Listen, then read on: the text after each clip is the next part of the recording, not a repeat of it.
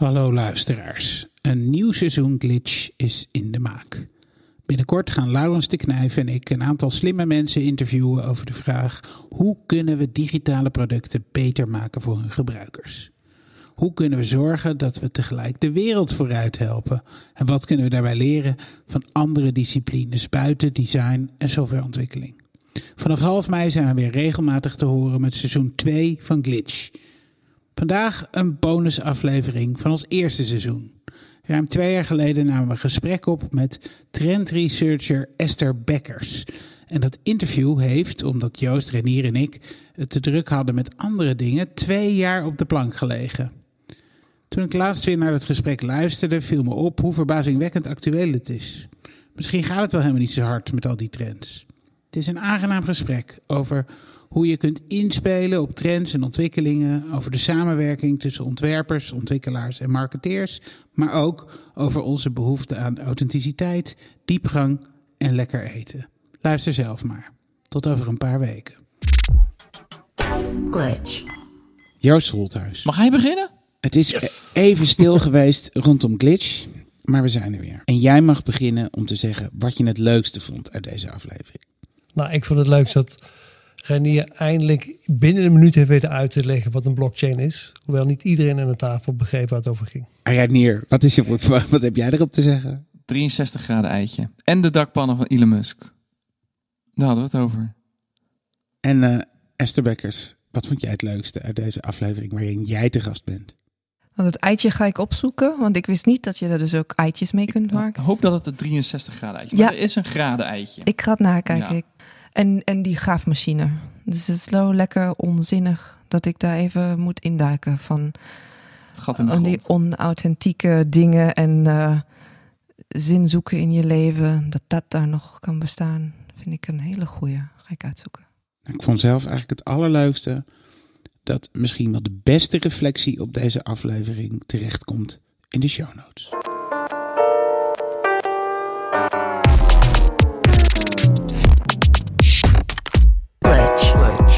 Glitch, glitch. Wat zou het toch geweldig zijn als je de toekomst kon voorspellen? Maar we weten allemaal dat mensen heel erg slecht zijn in het doen van voorspellingen. Misschien is het analyseren van het nu, kijken hoe mensen zich gedragen en uh, kijken naar hun behoeften en verlangens wel de beste indicatie voor waar we naartoe gaan. Of misschien is het wel omdat we zelf, wij van Glitch, behoefte hebben aan wat meer houvast en duiding in een wereld die zo sterk aan het veranderen is. Hoe dan ook, uh, we dachten, uh, we vragen een keer een trendwatcher als gast. Als senior art director strategic design bij Philips kijkt ze naar patronen in gedrag en vertaalt die naar iets waar ontwerpers en marketeers mee aan de slag kunnen. En met haar praten we over de trends die zij ziet en het proces van hoe trendwatching kan bijdragen aan betere producten. Esther Bekkers, welkom. Hallo. Hallo. Hallo. Um, klopt dit? Is dit wat je doet? Ja, nou, trendwatcher. Vind, dat, toen je dat net zei, dacht ik nee, dat is het eigenlijk, eigenlijk niet. Ik, ik noem me eerder een, trend analyst of trend researcher.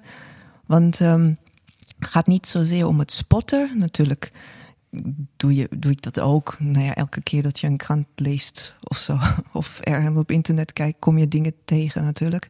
En dat uh, noemen we dan weak signals. Dus in principe spot je de hele tijd door dingen te lezen of, of zo. Maar um, echt, dat, het gaat niet alleen om het, om het watchen, maar meer om het um, analyseren daarvan en kijken wat, wat zijn nou de samenhangende dingen daarin. Dus wat zijn patronen die je herkent en dan maak je daar zeg maar een verhaal van, als het ware eigenlijk. Ja. Dus een beetje research en, trend analysis en zou ik, zou ik zeggen, dat is het eerder. Vind je het leuker om eerst te vertellen over hoe je proces in elkaar zit, of eerst over wat je de leukste of belangrijkste trend ziet die je nu ziet? Ja, dat is altijd lastig als je dan zegt, nou, ik, ben, uh, ik ben trend analyst of trend researcher. Oh, leuk, wat zijn de trends ja, nu? Wat, wat moeten we aan in 2017? Ik wil het wel weten. Ja, precies. Nou, iedereen wil het dan weten. Wat zijn de trends? Nou, ja, het is natuurlijk heel erg, heel erg breed. Er zijn trends op heel veel verschillende niveaus. En, en, en je kijkt natuurlijk elke keer weer met een andere, met een andere bril op, zou ik zeggen. Hè? Dat je. Um, het ligt aan wie je, wie je klant is, natuurlijk. En, en binnen Philips zijn het dan ook heel verschillende uh, richtingen, categories. En elke keer zet je weer een andere bril op. En, en, krijg je altijd een, een gerichte briefing mee? Moet je altijd een specifieke uh, vraag beantwoorden? Of heb je een soort van langerlopend, breder kijkend onderzoek en daarnaast uh, gerichte opdrachten? Nou, je hebt natuurlijk wel een soort um, uh, onderliggende strategy, strategie die, daar, die, die waar een categorie of een, of, een, of een merk voor staat. En die neem je natuurlijk mee dat je een beetje kijkt, oké, wat zijn, wat, gebeuren er, wat gebeurt er in, in, in die trend. Maar in principe, nadat we, als, als je daar begint aan een project, ga je eerst een soort um, een aantal research questions uh, neerzetten. En dat is dan. Um, ja, dan ga je. Um, um, ik, ik doe trouwens, uh, trouwens uh, lifestyle trends. Dus ja. dan kijk je, ik kijk niet naar kleurtjes of, of vormen nee, nee, nee, of zo, maar, maar meer naar gedrag en, en veranderende um, leefpatronen, attitudes. Uh, nou, het is allemaal Engels natuurlijk, mijn, mijn ja. werktaal. Dus uh, even, ik moet af en toe even omschakelen. en um, nou, in die zin uh, ja, zet je dan je, je research question om van, van waar je naartoe wilt. En nu zitten we in Philips uh, ook heel erg naar, naar health te kijken, gezondheid. Dus eigenlijk um, alles kijk je ook, um, naar alles kijken we ook vanuit de, de health angle. Van, van ja. wat zit dan, uh, als het om uiterlijk gaat, nou, wat, wat, wat zien we daar nog in de context van health? Of um, um, nee, healthcare op zich ook, gezondheid, uh, wat, wat, allemaal aan het uh, gebeurt. Dus, dus elke keer is het een andere context en, en probeer je daar iets van te maken. En hoe, hoe ver kijk je vooruit? Ja, dat is, dat is uh, verschillend. Het ligt een beetje aan het, aan het project waar je aan, aan werkt. Er zijn dingen natuurlijk meer voor, voor brand strategies, waar je, waar je natuurlijk wat verder uit wil kijken. Dan, dan ga je ja, ook wel eens tien jaar. Ik vind het altijd moeilijk, gevaarlijk om dat soort prognoses te stellen. Want soms zeg je, we, we, hebben dat, we doen dat natuurlijk ook wel eens, van dat je probeert een beetje jaren aan te geven, omdat iedereen dat wel graag wil. Maar dan zou het, uh, kan het zo gebeuren dat je zegt, nou, dit zien we toch op de lange termijn. En uh, ineens, hoep, komt er weer een terug, ja. nieuwe technologie langs of iets, of, of uh, legislation, of ineens komt, dan wordt Trump ineens president of zo. Dan, dan ga je, dan is het of veel verder weg of het is ineens veel dichterbij. Dus het is dan soms lastig. Maar geef, geef eens een voorbeeld van, uh, van een trend waarvan je denkt uh, in, in lifestyle, uh, dat zit een beetje aan het einde van de horizon. Dus dat, dat duurt nog even, maar het komt er wel aan. Wat wel heel erg leeft, of wat ik vind wat heel erg ook um, um, aan het borrelen is, of borrelen heet het? Mm -hmm.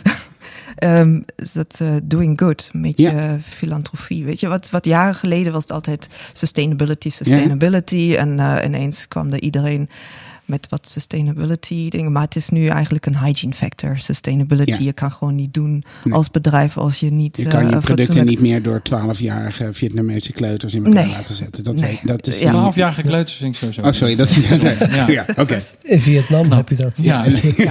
dus nu dat doing good zie je toch um, dat het best sterke behoefte is bij mensen om.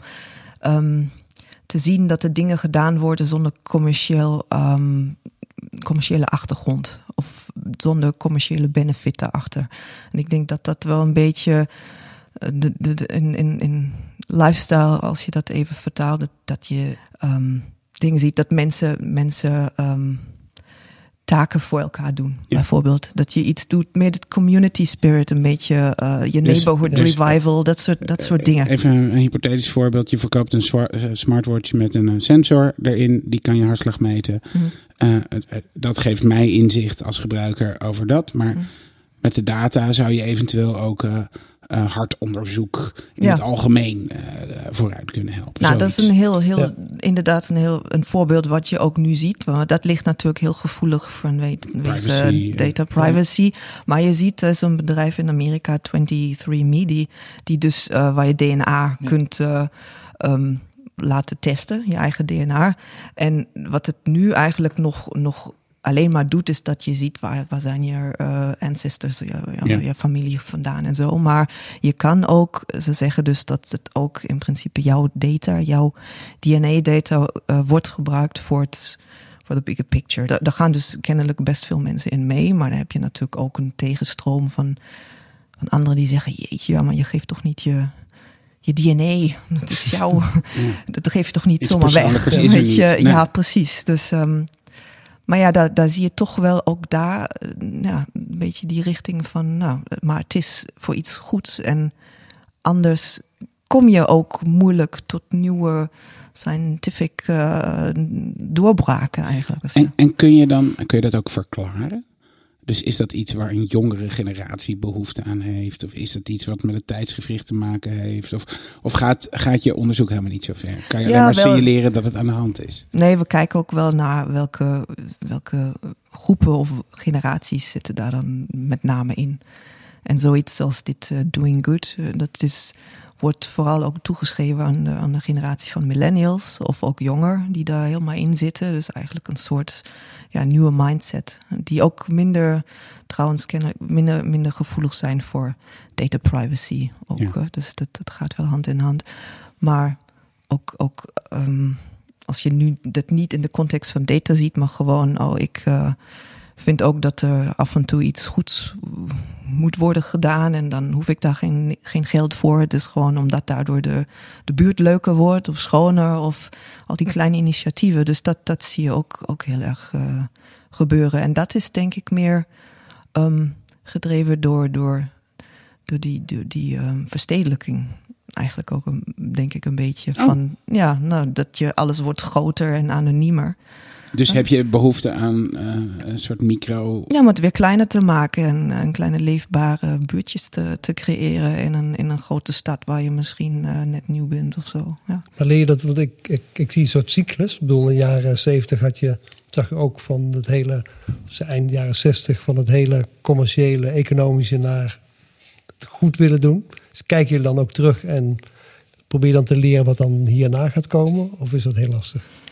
Ja, dat de foresighting is zo'n beetje dat, dat, dat nieuwe ding waar iedereen het eh, over heeft. En we zijn er zelf ook, eh, eh, ook, ook mee bezig. Dus ik, is een beetje waar, waar je probeert scenario's te, te creëren, eigenlijk verschillende richtingen. Possible futures. Dat je. ehm, dat zijn dan dus hypotheses, gebaseerd op, op, op een aantal dingen die, die je wel al kunt, kunt zien. Maar dan probeer je neer te zetten: oké, dit, dit zou een mogelijke toekomst kunnen zijn. Eh, heel extreem. En dan een, een, een andere, meestal zet je er vier scenario's neer. En dan probeer je binnen daar binnenin te, te ja, in, de, de ideation te, te doen. Maar zullen we dan maar gelijk eh, de belangrijkste vraag stellen? Tenminste, eh, komt het goed met de wereld? Hè, dat, dat is, Ja, maar dat dan is ga je toch ervan uit dat het niet goed is met de wereld. het is nooit goed, toch? Making the world great again, toch? Ja. Ja, ik moet zeggen, ik ben altijd heel optimistisch. Dus persoonlijk eh, denk ik, ja, gaat vast goed komen. Ik weet, ik weet niet, misschien is het ook een beetje naïef. Ik had er laatst nog een gesprek over met iemand. Die ik soms denk, ja, weet je, iedereen doet zo, jeetje, het is zo verschrikkelijk. En, en, en we hebben de behoefte aan hou vast. Dan denk ik, man, weet je, elk tijdperk heeft wel zo'n beetje zijn Zijn eigen behoefte aan houden. ja, en ook zijn problemen. En ik denk, eh, er zijn wel tijden geweest waar het misschien ook erger is geweest dan nu. Ja. Volgens mij alleen maar. Volgens mij Ja. gaan we Ik las in Ja. een interview van jou, daar kon ik me wel in, in vinden. Het gaat volgens mij alleen maar beter. Het, De als cijfers je terugkijkt. wel, ja. Hm? De cijfers zeggen Ja. van wel. Nee, maar de- Ja, ik- wat ik interessant, wat ik heel interessant vind, is dat als de cijfers zeggen dat het zo goed gaat met de wereld, waarom zijn mensen dan nog zo ontevreden? Ik denk omdat je het relatief altijd slechter hebt dan een ander. Dat zou je altijd blijven Ja. houden. Ja. Ehm, en, eh, nou, ik, nou, dat moeten we misschien later in de, eh, in de podcast nog even over hebben. Ik had een linkje in de show notes gezet al. Over dat, eh, maar dat is een heel maatschappelijk ding. Zijn er wel genoeg banen straks nog voor mensen? Is er nog wel genoeg werk op de wereld om de, de, de vraag naar dingen, naar, naar spullen, naar diensten en zo. Staan er nog wel genoeg banen tegenover? Dus daar zit ook een heel grote angst voor heel veel mensen. Over vijf à tien jaar, als er zelfrijdende vrachtwagens zijn, dan zijn er gewoon 2 miljoen werklozen in Amerika die dan ineens moeten omscholen. En wat moeten zij dan doen? Moeten ze hamburgers gaan flippen bij de McDonald's? Is daar wel genoeg werk? Eh, dus de, de, die, die angst zit er nu ook in bij mensen. Ja, ik zie je lachen, Joost. Nee, Ja, ja. dit is ook- ja, Nee, maar dat dan komt dat, ja, maar als je vooruit wil kijken, als je ter- terugkijkt naar die industrialisatie, had je heel Ja. mensen die werden werkloos, die hebben weer ander werk gevonden. Volgens mij is het mens eigen om te werken. Niet omdat het moet, maar omdat je het wil. Nou, heel veel mensen werken ook gewoon omdat ze een bestaan moeten hebben. Dus gewoon Ja. geld moet Ja, verdienen. maar het zit en, ook wel tussen de oren volgens mij. Ik weet het niet. Misschien hebben we gewoon al, eh, al 100 jaar geluk gehad sinds die industrialisatie dat er toch nog steeds genoeg vraag was voor menselijk arbeid. En dat kan een keer verkeren. En misschien verkeert het ook al bij hele grote bevolkingsgroepen. En dat zie je misschien al in Amerika vooral. Eh, in eh, Nederland hebben we daar nog niet zoveel last van, denk ik. Maar ehm, het is toch maar net wat we als eh, samenleving eh, waarderen en wat we willen betalen. Maar bijvoorbeeld, eh, dan moet je ook gaan kijken naar basisinkomen en zo. Nou, ik, ik zou nog, zouden heel veel mensen zo eh, in het onderwijs eh, eh, terecht kunnen. Om, Ja, maar daar moet je dus wel weer geld heen. Ja. Hè? Die moet je betalen. Ja. En, ja, dat soort dingen. Maar Ja. ik ik wilde eigenlijk weer terug naar een concrete vraag. Want je, je bent dus altijd bezig met de toekomst. Ehm, ehm, en hoe zit jouw vakgebied in elkaar naar het eh, toetsen achteraf van of je dingen goed had of niet? En of je daar dan, hoe leer je daar weer van, van dat proces? Van, we hebben dit eh, bijvoorbeeld in 2000 voorspeld, over 2010. Ehm, hoe, hoe, hoe goed zaten we daarin en wat kunnen we daarvan leren? Wat hebben we fout gedaan? Is dat iets wat speelt of blijf je altijd maar vooruitkijken? Nee, je maakt natuurlijk ook, ook altijd, we kijken ook terug, dus je maakt ook een soort eh, analyse van hoe heeft die trend zich ontwikkeld. Op zich komt het toch wel neer op dezelfde dingen. Het gaat ook niet zo, zo zeer daarom hoe, wat er precies in die trend in zit, maar wat je dan daarmee doet. Dus dan de vervolgstap van, eh, oké, wat betekent dit dan voor ons? Voor, ehm, stel dat dit nou echt gebeurt en mensen gaan massaal dit gedrag vertonen. Ehm, hoe ga je dan mee om als je eh, in een bepaalde product category zit? Of, of, of ehm, ineens eh, alles is niet meer alleen products. Je had het net ook over, over, over products, maar, maar juist services en, en, en, en meer ecosystems. En juist niet meer maar één dingetje. Maar hoe, hoe weet je, wat, wat, eh, hoe speel je daarop in? En dan probeer je in, eh, in ideation sessions daar wat, wat op te doen. Maar wat doe je met de, je gaf net aan, een van de belangrijkste trends is dat goed willen doen. En hoe, natuurlijk niet commercieel, hoe pas je dat in in een bedrijf of ja, eigenlijk aan alle ontwikkelingen die toch ergens een commerciële basis hebben? Ja, dat is lastig dus. En geloofwaardig blijven. Ja, ja. Dat is dus inderdaad lastig. Maar ik denk wat daar, daar is gewoon behoefte of wat je ziet. Het is, vind ik, vrij nieuw ook in die omgeving. Maar dan moeten we toch manieren vinden om daar iets mee te doen. En ik denk het is ook, ook eh, met sommige trends is het gewoon lastig. Dan, ik, ik weet nog toen, ehm, ja, ik doe dit nu, nu al wat langer en dan, en dan merk je, je komt binnen en je, je legt een trend uit. En soms is het nog voor jezelf ook best fris. En dan, dan, dan denk je, jeetje, wat is dat echt, eh, gebeurt het zo? Nou, self-quantification was, ik weet niet, toen ik voor het eerst mee bezig was. Echt Jaren geleden dat je zelf nog nauwelijks kan vatten en dan presenteer je het en dan is het, ja joh, weet je, pff, soort nerds, Ja. een paar nerds die daarmee bezig zijn, weet je. En, en, en ineens, en dan, dan is, komt dus de, de Ja. vraag, maar wat, eh, wat heb je daar nou aan? Want het is alleen, je kan er zelf wat mee. Maar ja, je moet het natuurlijk ook altijd zien van ineens komen er allemaal technologische ontwikkelingen bij en, en, en eh, nieuwe businessmodellen. En ineens zie je het, self-quantification eh, was, was toen die term, maar ineens zie je monitoring en measuring verweven in eh, Ja. gewoon overal. En ineens zie je hoe dat gewoon zijn plek vindt op, op bepaalde ehm, gebieden. Dat het gewoon ehm, ineens begint eh, zin te maken. Dat dat het dus op, op een bepaalde areas met, met die data wat kunt doen. Wat dus nuttig is voor iemand. Ik zeg niet dat we daar nu al zijn. Maar het was een beetje hetzelfde dat je denkt, ja, wat doen we daarmee? En mensen willen dat toch sowieso niet. Maar soms is dat gewoon ja, erop inspelen en ook een beetje En- en- entrepreneurial en hoe- spirit, eh, denk ik. Hoe Ook. zag je dat dan? Zeg maar, laten we even teruggaan naar een paar jaar geleden. Waaruit kon je toen eh, opmerken dat dat een trend zou worden? Nou, je ziet, je, je leest steeds meer dingen daarover. Dus iemand die dan over een conferentie, conferentie had, of iemand die dan eh, daar ehm, iets over zat te vertellen ergens op een platform. En, dan, en dat, dat noemen wij dus weak signals. Hè. Dan heb je daar zo één zo'n dingetje en denk je, is dat nou een gekke vertoning? Maar dan ineens komen, komen er nog meer dingetjes van dit soort eh, dingen bij. Mensen die ineens allemaal data verzamelen over, weet ik veel, neerslag of eh, ik, ik Ja, ja, ja, ja, weet je, nee, en, en dat, dat samen, dan merk je dan, oké, daar zijn dus mensen bezig met het verzamelen van, van data op, eh, op, op welk level dan ook. En daar, dat, En dan ga je wat verder kijken en dan kom je erachter dat eh, sensoren ja, goedkoper worden. Precies. Dat die smartphones daaraan Ja. bijdragen. En dan Ja. denk je, hé, hey, 1 plus 1 is misschien wel Ja, 5. ja, ja, ja.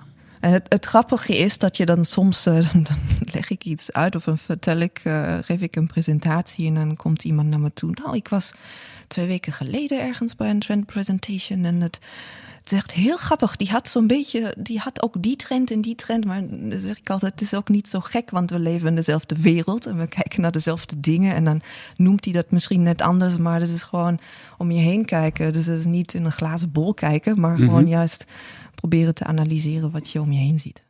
In, in eh, mode, eh, ik hoorde laatst een hele prachtig mooie aflevering van eh, 99% Invisible.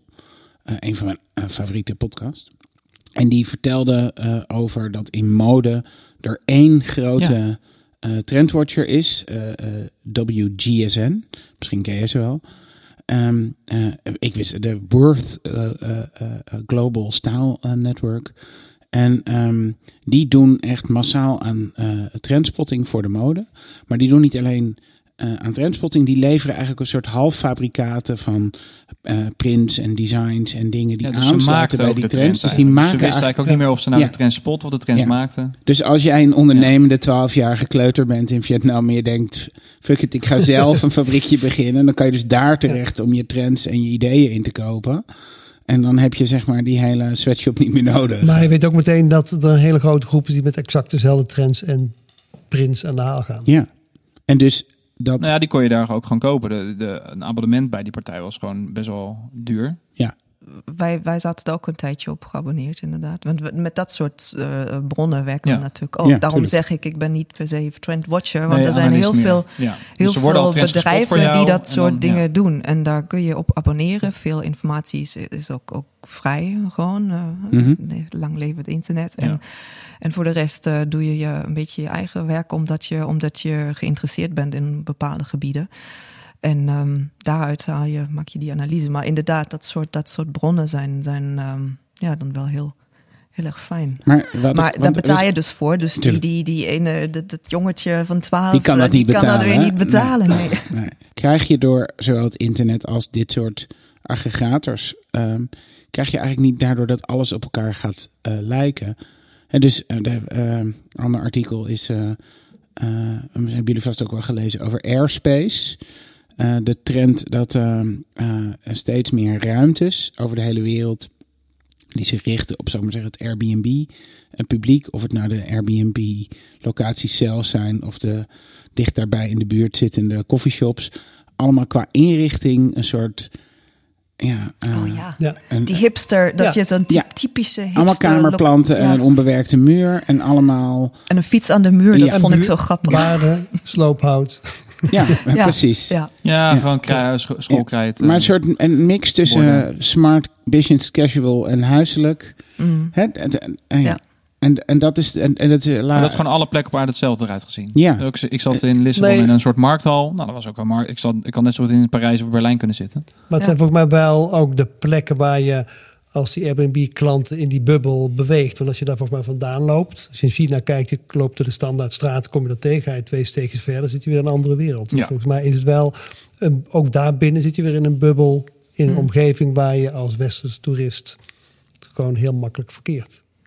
Maar het zou natuurlijk, in, ik denk ook dat Pinterest en zo, dat soort bronnen best wel invloed eh, hebben hier. Ja, hè? absoluut. Ja, Kijk je ook naar trends in andere culturen, hoe dat in China loopt? Of ja, dat, ja? zeker. Ja, ja. Het is juist eigenlijk veel minder Nederland, maar veel, Ja. en veel meer China, eh, US en, en ik, ja, eerder Europa in het, in het algemeen. En waar zie je de grootste verschillen? Als je naar verschillende cultuurcontinenten kijkt. Waar zie je de verschillen? Is China echt anders als Europa en Amerika? Of loopt dat steeds meer in de pas? Nee, tuurlijk heb je, heb je verschillen in, in alleen al door die historie en, tradities. En dan is er misschien bepaalde trends, trends die, die, die, die heb je overal. De ehm, verstedelijking bijvoorbeeld. En die heeft ook misschien ehm, een beetje ehm, soortgelijke gevolgen. Hè, voor meer stress, busy lifestyles en dat soort dingen. Maar je hebt toch altijd nog culturele verschillen zie ik. eh, soms is het ook heel. ehm, het is soms. je, je kan die trends eigenlijk ook niet loszien van insights. Het is eh, Mhm. kijken naar de toekomst, maar ook wat zijn insights. En dan, daar wordt natuurlijk in zo'n bedrijf als Philips ook veel naar gekeken. Er wordt consumer ehm, insights gekeken of, of met bepaalde groepen gesproken. En, en op die manier kom- probeer je dan die verschillen wat, wat uit elkaar te halen. En die insights zijn dan onderzoeks- of datagedreven. Dat zit veel meer in. Nou, ook kwalitatief onderzoek juist, ja. Maar waar we het net eh, eerder eh, over hadden ehm, in, in, in de pauze... ehm, over de cultuur van, van ja, data privacy bijvoorbeeld. Hè? Ja.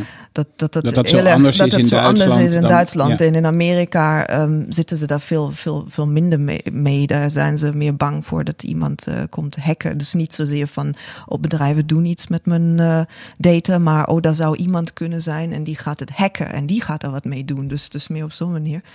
En ik denk ook in, in China, als ik even zo over nadenk, die zijn ook veel meer open naar nieuwe technologieën. Dus het wordt totaal eh, omarmd. Als er iets komt, ja, laten we maar meteen proberen. En dan zien we later wel wat er de nadelige gevolgen van zijn. En als je dan Duitsland, waar ik dan vandaan komt, ehm, als je dan mensen wil vragen, ja, kun je even foto's nemen van je, van je keuken of zo? En dan moet ik nou een foto van mijn, van mijn koelkast eh, op, op die site zetten? Maar dan ziet iedereen wat ik in mijn koelkast heb. en dan kan toch iedereen wat, eh, wat, wat, wat je daar niet allemaal mee kan doen? Ik zo, nou, nou ja, ik, ik Iedereen ben- heeft wel een Ja. pak halfvolle melk. ja, En, maar ik, ik sta dan ook een beetje, ik denk soms, wat, wat jeetje, wat, hoe, hoe reageer je daarop dan? Hè? Dan eh, vind ik toch best, eh, best wel ja, een enorme verschillen. Zo van, van eh, wat, wat mensen be, al ehm, gevoelig, privacygevoelig vinden en, en wat niet. Vind ik ook zo mooi als je eh, op Google Street View kijkt en je, je kijkt naar Berlijn. In Duitsland kun je de voorkant van je huis laten blurren. Mhm. Hele straten, alleen maar een soort één grote grijze waas. Waar je, dus, dus ongeacht of je er echt iets kunt zien of niet. Wat je kan zien is dat er graffiti op de gevel zat. Dat kan je dan nu niet meer zien, want het is geblurred. Weet je, dat, Ja. Maar dat soort per definitie daar al eh, eh, niet op willen staan. Dat vind ik wel mooi hoe, dat, hoe diep dat zit. Ja, ja. Nou, nu moet ik, ik ben er zelf een beetje laks misschien ook in. En, maar ja, er zit natuurlijk wel ook wat in. Van wat, wat deel je? Er was laatste, las ik in de krant zo'n artikel over ehm, dat, ze, dat ze ergens in een huis, in, een, in, een, in zo'n dorpje ergens in, in Nederland, op de zolder eh, eh, dozen vol met. met eh, met, met documenten hebben gevonden uit de Tweede Wereldoorlog. Was en in dat waren Delft allemaal. dan. Was het in Delft? Dat Weet was ik van, niet meer. hadden we het in de podcast over. Ja? Was, Was het het niet niet, op een zolder van, in boek, Groningen bij notaris? Dan was het niet over het privacyboek van, eh, van de correspondent. Daar begint het mee. De, nou, het het zijn allemaal, nou, misschien zijn het allemaal verschillende zolderverhalen. Ja, ja. Van Joodse, en, en, eh, Ja, de ja, Joodse precies. administratie. En die hadden ze verborgen voor in, eh, is in het verborgen. begin van de Tweede Wereldoorlog. Ja, ja. precies. Ja.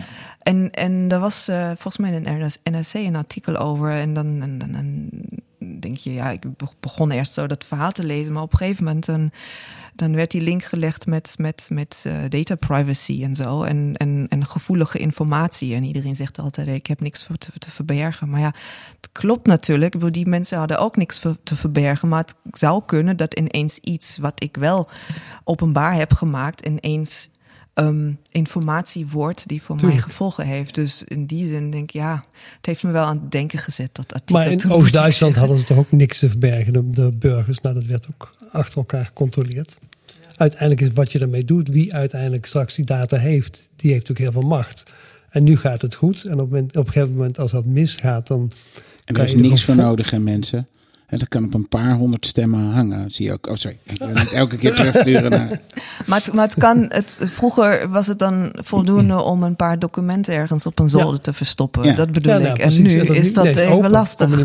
Nee, Waar is die digitale zolder waar je documenten kan Ja, gewoon je eigen harddrive. Te laat. Dus ni- niks in de cloud. En dan encrypted. En Ja, Facebook, dat is toch? niet meer te doen eigenlijk. Maar dat is wel eh, je eigen zolderkamer nog. Maar ja. Ja, dan heb je een kopie die je kan verbergen, maar je kan het origineel niet verbergen. kan Nee, de maar als je, dus je moet in eerste instantie nooit dus dingen eh, op, online zetten. Dat is het meer. Nee. Ja. Ja, Ja. dus als ze eenmaal online zijn geweest, nu. dan is het... En niet eh, over de telefoon tegen iemand Nee. zeggen. En onze Zeker niet in een stemmen- podcast. Onze stemmen staan inderdaad nu op internet. Ja. En dan kan straks iemand met een algoritme ons iets andere dingen laten zeggen. Biedi, biedi, biep. Helaas wel. Ja. Ja. Is het een trend eh, dat mensen eh, beter gaan begrijpen eh, dat er een zeg maar, een andere kant zit aan het delen van eh, data en gegevens? Ja, zeker. Ja, dat is. eh, ik denk dat het wel een van de, van de grootste issues waar iedereen mee zit. Want, want nou ja, aan de ene kant wordt is data natuurlijk wel gezien als een beetje ook in, in gezondheid, bijvoorbeeld healthcare nu, waar, waar ik veel eh, mee bezig ben in mijn werk. Dat ehm, wel als een soort de holy grail om, om, om dingen op te lossen en, en, en zorg eh, goedkoper te maken. Maar ja, iedereen mm, struikelt natuurlijk over die, die data privacy. Ik heb toevallig vandaag ehm, een TED-talk eh, gekeken over blockchain. Want iedereen heeft Ja. over blockchain. En ik moet zeggen, ik, ik had heel lang... Wat is blockchain? Ja. Leg het eens uit. en dan praat je met die eh, digital mensen. Ja, nou, dat is echt heel, heel eh, goed, handig, tof, leuk. Maar ik snapte er nog steeds niks van. Nou, daar is dus die TED-talk over eh, wat, wat is het eigenlijk. En ik eh, vond het wel echt heel, heel interessant om te zien. Dus cutting out the middleman, dat is voor Dat mij is een beetje de... Ja. de en, en er waren ook eh, ja, voorbeelden in dat ik denk, ja, nou, dat... Een totale de democratisering eigenlijk van, van het hele data gebeuren. En dus dat denk ik, nou, daar, als dat nou Ja, maar- echt gebeurt, maar- dan... Waar je, eh, waar je vroeger een soort van gewaarmerkte derde tussenpersoon nodig Ja. had, zou dat nu eventueel in het systeem kunnen zitten. ja, Dat is, dat is, eh, maar Renier is onze blockchain. eh, Het heeft hem wat geld Maar ik gekost. kan het maar- niet in één minuut, eh, denk ik, verwoorden. dan begrijp je het onderwerp niet echt. Een blockchain is een gedecentraliseerde database. Ehm, waarbij alle nieuwe informatie erin wordt gestopt, eerst berekend moet worden. En dat gebeurt decentraal door alle partijen. En pas als alle partijen eh, eruit zijn dat dit die nieuwe informatie is, wordt het aan de database toegevoegd. Waar, en iedereen, die, eh, iedereen kan een versie van die blockchain binnenhalen en meedoen in het netwerk. Eh, waardoor je ook altijd zeker weet dat de informatie die in die database staat, goedgekeurd is door al die andere partijen. Eh, daarmee kun je natuurlijk ook spelen, want als je eh, meer dan 50% van al die netwerken in handen hebt, dan kun je dat manipuleren. Maar dus daarom is het zaak om, zoals bij bijvoorbeeld de Bitcoin, wat draait op een blockchain, om dat een zo groot mogelijk publiek te laten bereiken, zodat het zo min, mogelijk, zo moeilijk mogelijk is om het te hacken of te misbruiken. Ehm, en daar draait dus ook eh, eh, Bitcoin op. Dat is een, een valuta. Ja. Maar je kan er ook andere dingen in stoppen, zoals inderdaad eh, slimme contracten. Ja. Die, eh, die bijvoorbeeld iets doen als er iets anders gebeurt wat binnenkomt in het netwerk. Of je, of je health data bijvoorbeeld. Dat Ja, alleen ja. dan is de vraag, wat heeft dat voor nut om dat in een blockchain te Ja. stoppen? Ja. En niet gewoon in een database. Want het is echt wel het unieke dat een blockchain is openbaar. Eh, dus iedereen kan kijken wat er in die blockchain staat. Het is niet per se te herleiden naar jouw persoon. Want je hebt gewoon een nummertje in die database waar jouw gegevens in staan. En je kan die gegevens ook encrypten, waardoor eh, alleen jij erin kan met je wachtwoord. Maar zodra je het wachtwoord vergeet, is het ook nergens meer terug te krijgen. Er zit geen centrale Facebook achter die dat dan weer reset voor jou. Dat kan niet. Dus het is niet de manier om eh, het eh, elektronisch patiëntendossier op te lossen in Nederland. Eh, niet per. Ja, je moet wel de voordelen ervan zien. Dus wat heeft het voor voordeel om dat te doen? Ik weet niet. Eh, dat is bijvoorbeeld, eh, je hoeft het niet centraal te hosten. Dus alle, iedereen die aan meedoet, host een stuk van die, die blockchain. Of iedereen host zelfs de volledige blockchain. Dat zou een voordeel kunnen zijn, maar waarom? Ja, de, je levert er ook wat voor in. Ik zie nog niet heel erg de, de nee, meerwaarde nee, om nee, bijvoorbeeld een je zorgdossier in een blockchain te zetten.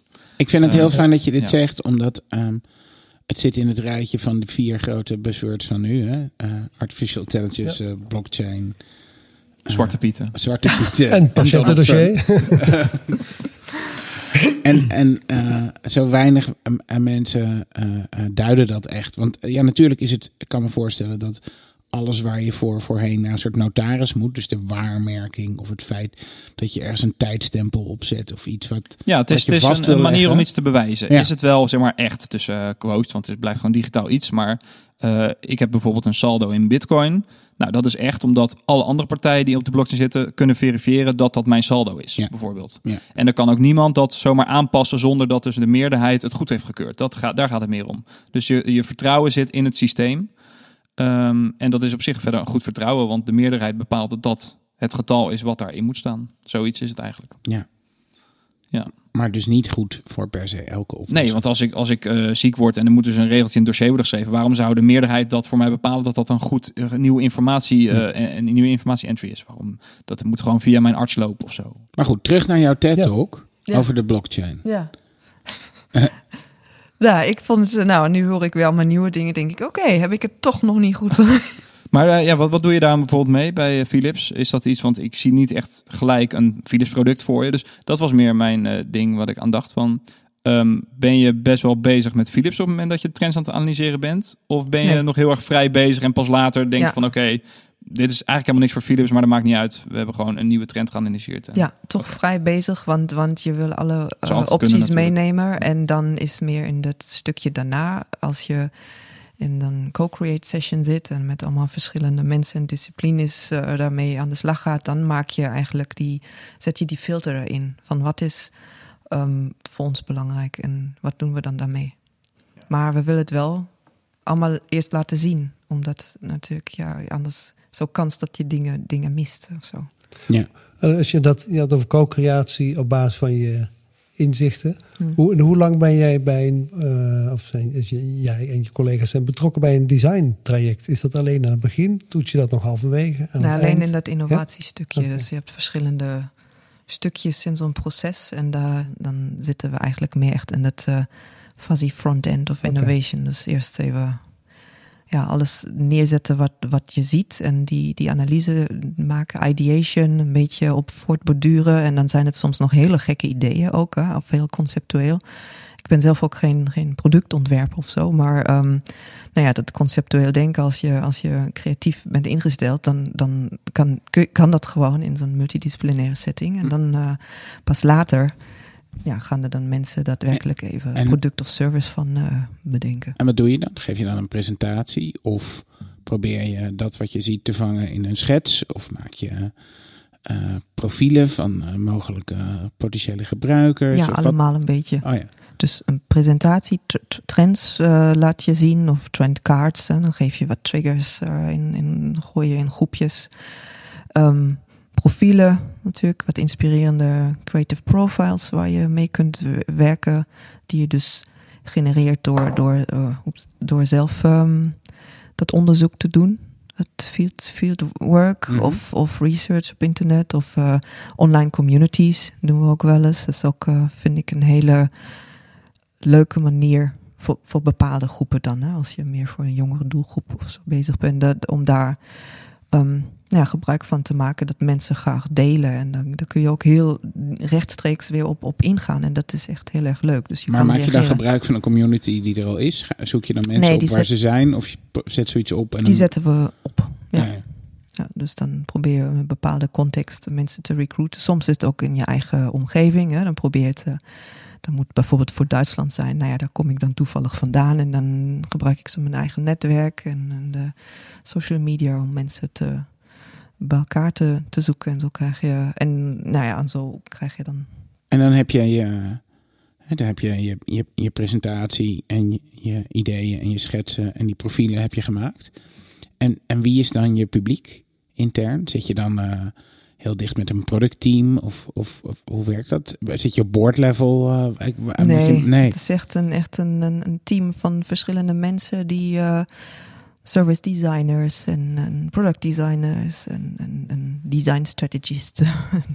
nou ja, product managers, marketing mensen Ja. misschien. Dus het is gewoon heel, heel divers. Dus ik denk dat is ook een beetje, beetje heel erg van nu. Dat je probeert dingen met, met zoveel mogelijk disciplines op te En zetten. inzichten tegelijk. Ja, ja. ja. Dus dan krijg je, heb je meer ehm, buy-in natuurlijk. Maar ik denk dat iedereen vanuit zijn angle ook weer verschillende dingen toevoegt. En ik denk, dit is niet meer zo zwart-wit. Nog, toen ik, eh, toen ik begon zo'n beetje in die designwereld, was het zo'n beetje aan het kiepen, tenminste bij ons eh, in het bedrijf, dan eh, dat je merkt, dat was nog heel erg de designgroep die zo hun, hun toko runden en hun dingen deden. En dan had je de business. Weet je, en daar ehm, moest je vooral ehm, niet te vroeg mee involveren, want dat was, die, die, die, die, die konden niet creatief denken. Maar ik denk dat is toch wel heel erg veranderd. Dus het is veel meer een soort, soort ja, samen dingen doen geworden. Kom je dan, als je het even een oude model bekijkt, uit het bakje business of het bakje design? Ik kom uit het pakje design. Oké, Ja, ja. ja ik, ik, bedoel, ik ehm, vind het. ehm, wel heel. Ik heb ook overwogen ooit om hem misschien toch eh, keertje een beetje bij te studeren. En, ehm, Toch dat MBA te en- halen. Ja, ik heb echt over een, een, een MBA overwogen. Maar meer om het, ehm, omdat ik vind dat daar soms nog wat weinig innovatie is. Of, of ik merk soms met mijn, ehm, als ik dan bezig ben, dat me daar soms die termen voor, eh, eh, Ja. dat ik die niet heb. Dat ik denk, nou, als ik, ik mijn, mijn creatief denkproces nu even nog verder zou kunnen borduren en met hele overtuigende ehm, dingen zou kunnen komen die ik dus dan zou hebben, omdat ik die achtergrond en, dan, dan wat meer heb. Ja, dus dat, dat, denk ik soms, dat zou toch wel heel fijn zijn. Ja, want ik, dit soort trends, trendwatching, of hoe we het moeten noemen, trends research, past ook behoorlijk goed in het, ook in het domein van de business. Omdat daar natuurlijk, dat gaat over risico's, kansen, juist keuzes maken. En dan heb je geloof nodig in de juiste richting van die je als een heel designteam inslaat. Ja, nou, ik heb natuurlijk met lifestyle trends zit je in die in de people hoek, maar je kijkt natuurlijk ook naar al die andere dingen. Je kijkt ook naar, naar technology, naar, naar business, wat zijn experiences. Je kan het gewoon niet los van elkaar zien. Maar dan, dan um, er zijn dingen, zoiets als, als bijvoorbeeld eh, Tesla. Dan zit, denk je ineens, ja, dan, dan denk je, je weet hoe het in elkaar zit. Het is gewoon een nou, merk die, die maken auto's en ineens dus staat hij daar ergens, eh, Elon Musk, voor zo'n, voor zo'n eh, ergens in zo'n buurtje en gaat die dakpannen voorstellen. Hè? Dat Ja. vind ik dan wel echt heel gaaf, moet ik Ja. zeggen. Dat op dat level, op een business level, ineens zo'n totale omslag is. Dat je denkt, oh, je dacht dat je wist hoe, hoe dat bedrijf in elkaar zet. En dan durven die gewoon zo'n stap te nemen. Dat vind ik eh, toch wel heel nieuw. Ja, of dat Uber ineens voedsel gaat bezorgen. Ja, of medicijnen. Je kan eh, in, in Amerika was een test om, om, om, om ehm, verzorg, eh, verpleegkundigen thuis te laten komen voor, voor vaccinaties en dingen. Dus denk ik, wauw. Ja. ja. Maar ehm, Zijn, dat- zijn dat ook niet gewoon nu, is dat ook niet een nieuwe trend dat bedrijven een heel brede mission statement hebben? Bijvoorbeeld Uber heeft wel eens gewoon openbaar gezegd dat ze het internet voor atomen willen worden. Dus ze willen eigenlijk gewoon eh, TCP/IP-protocol bouwen, wat digitaal is, maar dan in het echt. Dus auto's laten rondrijden en je hebt een vraag, dan stuur je zeg maar het netwerk op en je krijgt antwoord door een pakketje of een mens inderdaad, of iets. Dat, dat is een hele brede mission statement. Misschien Elon Musk ook. Die wil de wereld veranderen met duurzame energie. Zoiets zou die misschien in zijn hoofd Maar hebben voor zijn ze niet, Tesla. willen ze niet gewoon allemaal de nieuwe General Electric worden? Want eh, is, is, zeg maar, dat is ook eh, op een soort eerdere golf van, eh, van innovatie. Is Ik het weet niet, hadden die zo'n brede, maar toch specifieke Nee, statement? uiteindelijk deden ze alles van shipping eh, tot en met verzekeringen tot en met... Ja, maar dat verzekeringen maken past niet bij. Uber. Ik zie Nee, wel maar al ja. echt vormen wat nee, er bij eten, Uber hoort. eten rondbrengen Ja, past bij dat Uber. En dat past bij het atomen. Bij het, ato- ato- het, het internet voor atomen model. Jij Ja, gelooft dat- ook alles erin niet. Nee, maar dat hebben ze gewoon een paar jaar geleden open, openlijk gezegd. En dit past erbij. Ja, ik, Maar ik moet zeggen, ik vind Uber dan ook geen vergelijking met Elon Musk. Ik vind die stappen die hij maakt veel groter. En ik denk dat hij zich kapot verveelt om een General Elect- General Electric te worden. Dat moet gewoon steeds een grote ook. stap maken. Want General Electric wilde uiteindelijk alleen maar geld verdienen. Ja. En Elon Musk wil... eh, Geld verbranden. Oh, nee. En, en, nee, raketvloeistof verbranden. Nee, maar ehm, Elon Musk geloof je nog wel gewoon in dat hij eh, wil proberen om eh, iets aan die eh, fossiele brandstofeconomie te doen. ja, Ja. Ik vind het maken. gewoon heel geloofwaardig, Hij ja. draagt, hij jaagt zijn dromen na. En Dat dat, is het. horen Ja. raketten bij. Dat past niet helemaal in, natuurlijk in het eh, energieplaatje wat mij betreft. Eh, ik Ja, maar- ja. honderdduizenden liters kerosine eh, Nee. verbranden. nou, hij maakt het wel Maar het is wel wat, wat, wat, wat het mij raakt, is dat hij gewoon gaat waar hij in gelooft. En daar zitten toevallig twee onderwerpen. En Ja. Ja. Nee, ik was totaal verrast. Maar dan ook de manier, dan zie je daar ergens zo'n zo'n clipje of zo'n zo'n presentatie. Zit die, staat die ergens in zo'n neighborhood eh, op een best kneutige manier eh, zijn presentatie te Ja, doen. Hij is niet een hele goede presentator voor Nee. dat soort dingen. Nee. Nee, maar toch denk Ja. je, ja, ik geloof het Ja. helemaal. Dus dan denk ik, dat is toch wel, wel nieuw. En dat vind ik dan ja, heel erg spannend. Dus als je het hebt over trends die dan ook in, in business en zo zijn, ja, dan denk ik, dat zijn dus de voorbeelden. Echt totaal. Maar hij eh, kan natuurlijk ook vrij makkelijk doen omdat hij een sterke persoonlijkheid heeft. En volgens mij het ook behoorlijk kan sturen in zo'n bedrijf. Maar een bedrijf wat wat democratischer wordt gestuurd, al grote heritage heeft, hoe, hoe maak je daar die grote sprongen? dit, dit is moeilijk in, in, in, een, in een samenleving, maar sowieso al in een bedrijf is het al lastig, weet je, om daar al die verschillende takken bij elkaar te brengen als je een groot bedrijf bent natuurlijk. En, en, maar daar zie je toch veranderingen in komen. Dus ik vind dat gewoon best, best wel ja, dingen gebeuren op het gebied van, van zin maken, van, van dingen bij elkaar brengen die, die, die misschien daarvoor niet bij elkaar zaten, maar omdat je een bepaald idee vervolgt.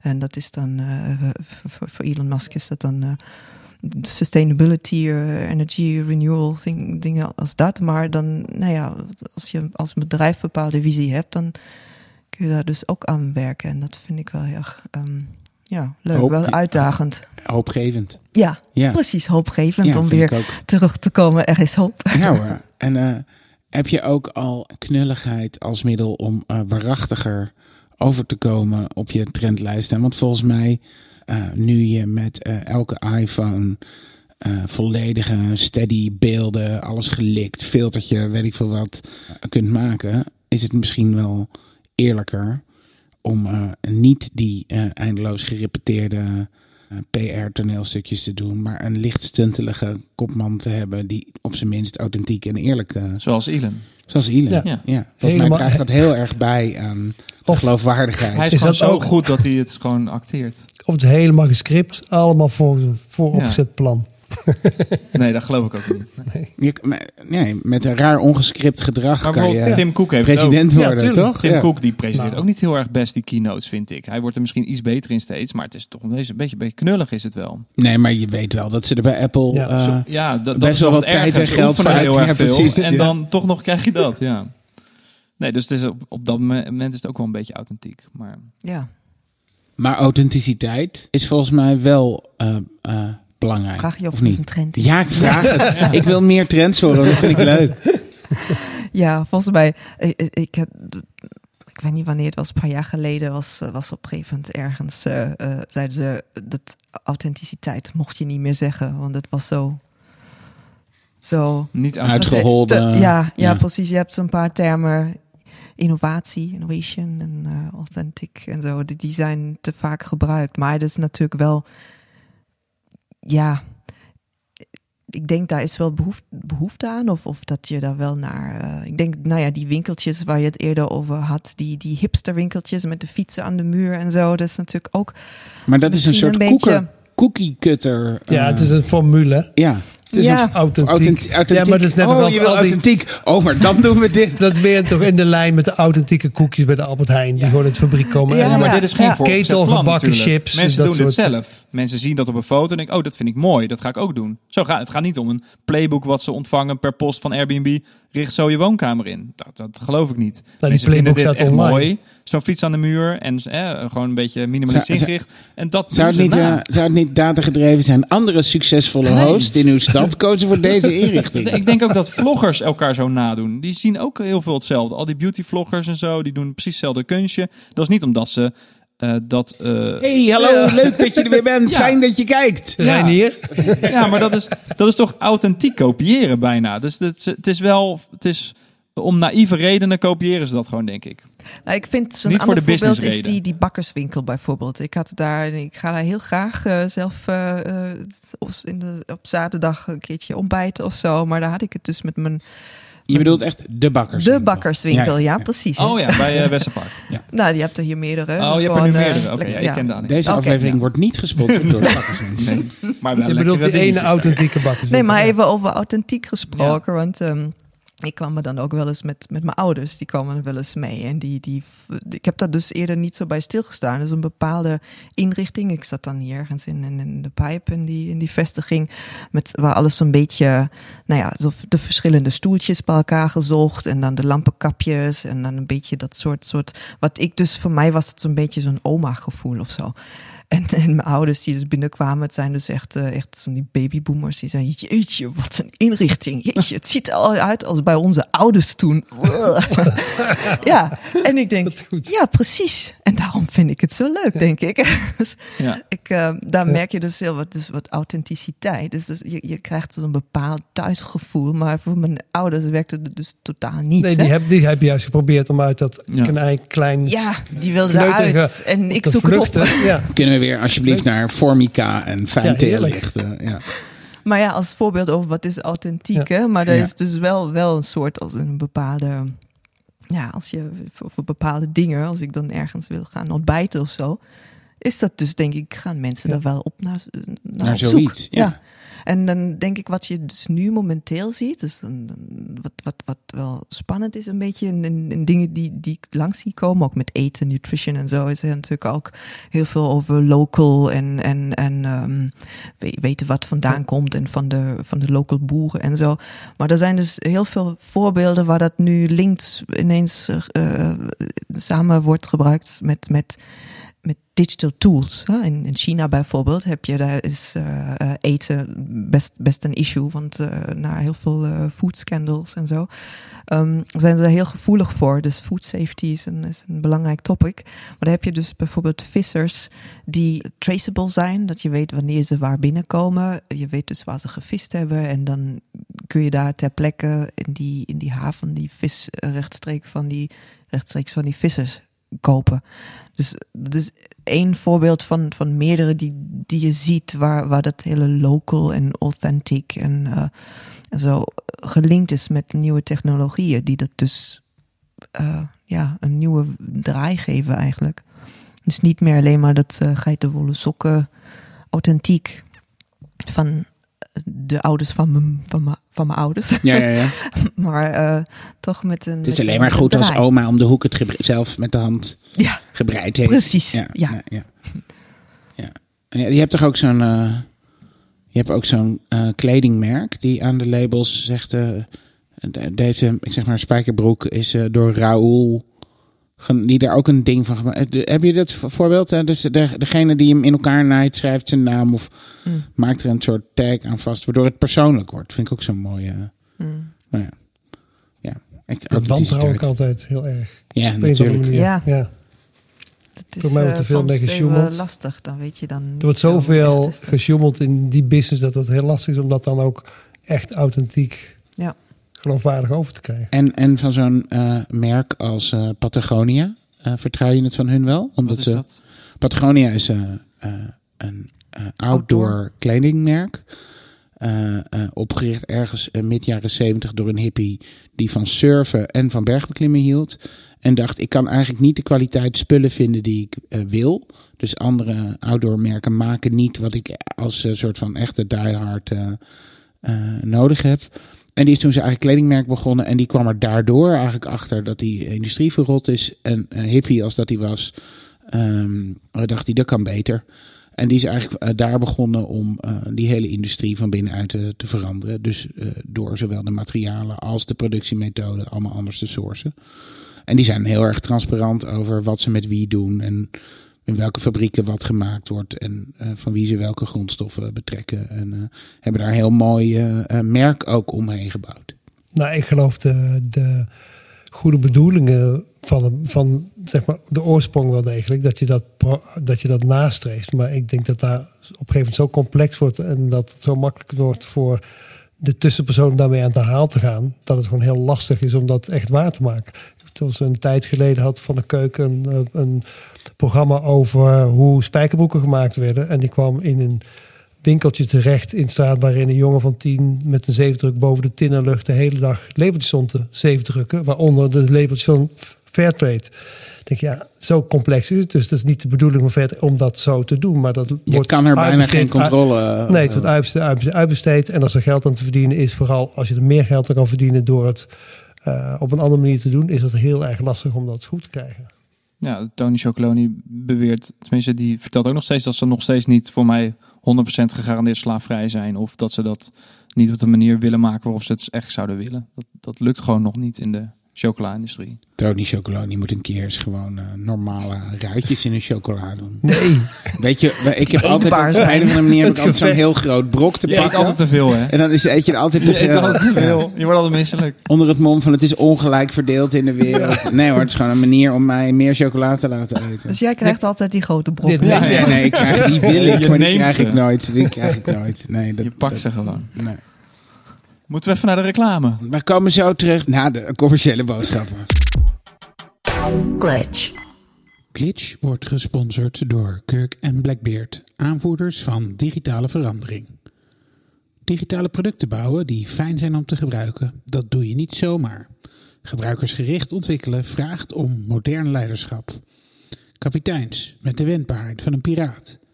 Kirk en Blackbeard helpt met strategisch advies, training en tijdelijk leiderschap. Want in het verleden behaalde resultaten bieden geen garantie voor de toekomst.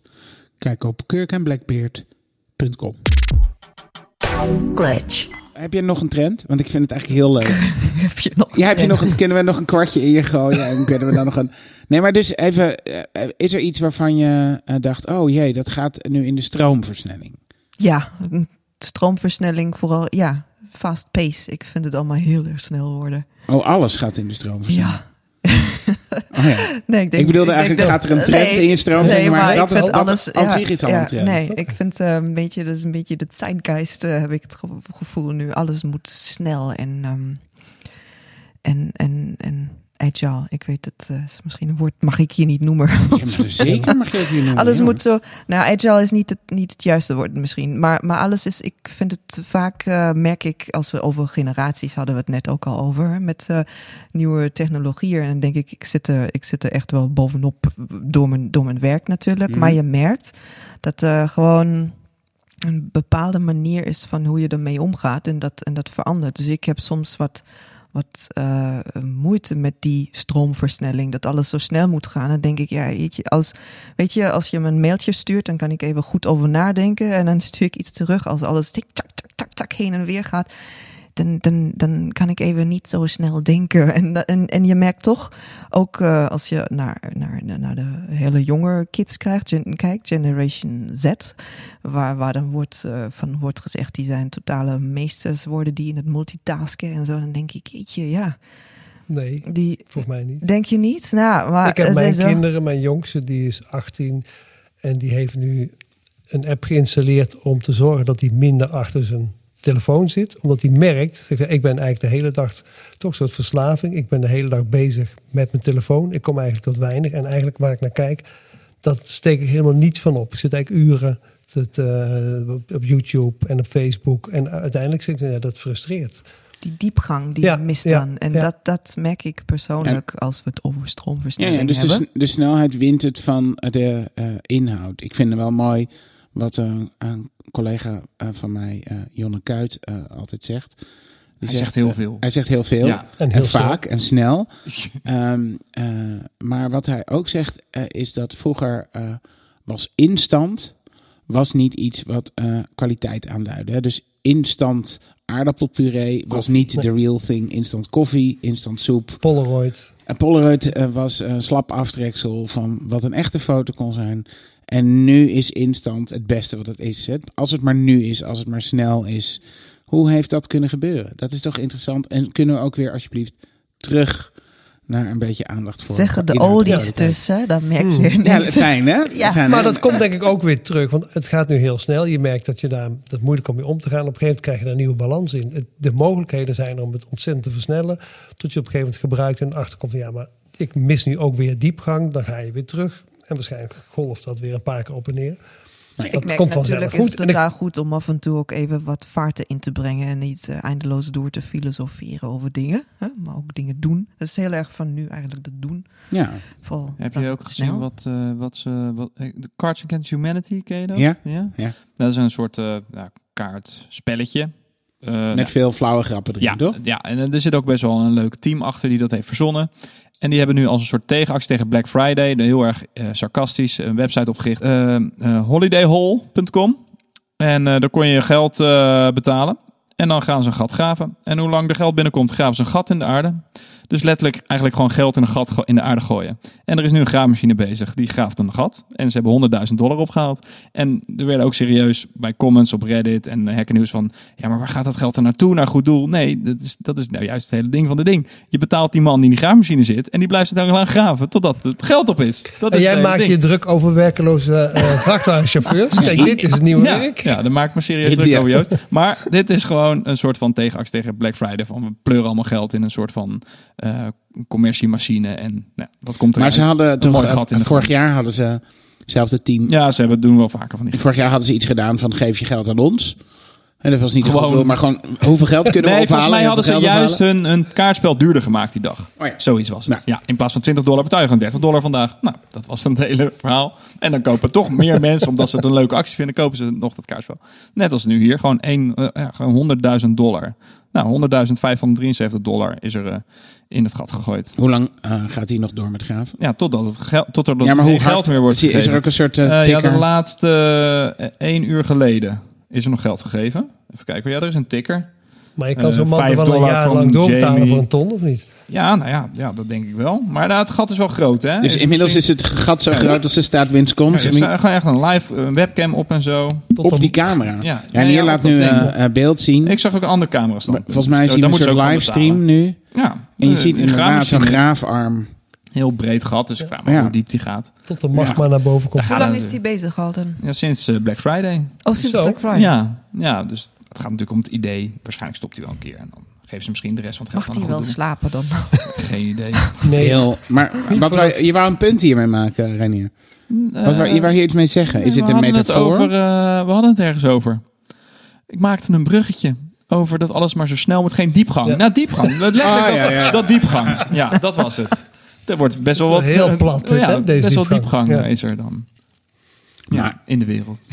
Nou, hier kan ik dan ook gewoon helemaal niks zinnigs meer over zeggen. Nee. Nee, goed. Ik, ik, wat ik nog wel eh, interessant vind, is nog heel even over je eh, eh, proces en over je rol te hebben binnen Philips. Want, en niet per se hoor, maar gaat niet per se over Philips. Maar wij werken best vaak voor grote bedrijven.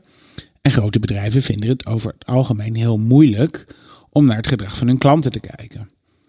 Hè, dat, het, eh, puur omdat je gewoon binnen de werkelijkheid van zo'n bedrijf zit. En eh, in hoeverre is dat voor jou moeilijk? Moet je altijd vechten tegen interne eh, werkelijkheden? Is dat ook precies de rol die je hebt? Is het jouw rol om de buitenwereld naar binnen te brengen?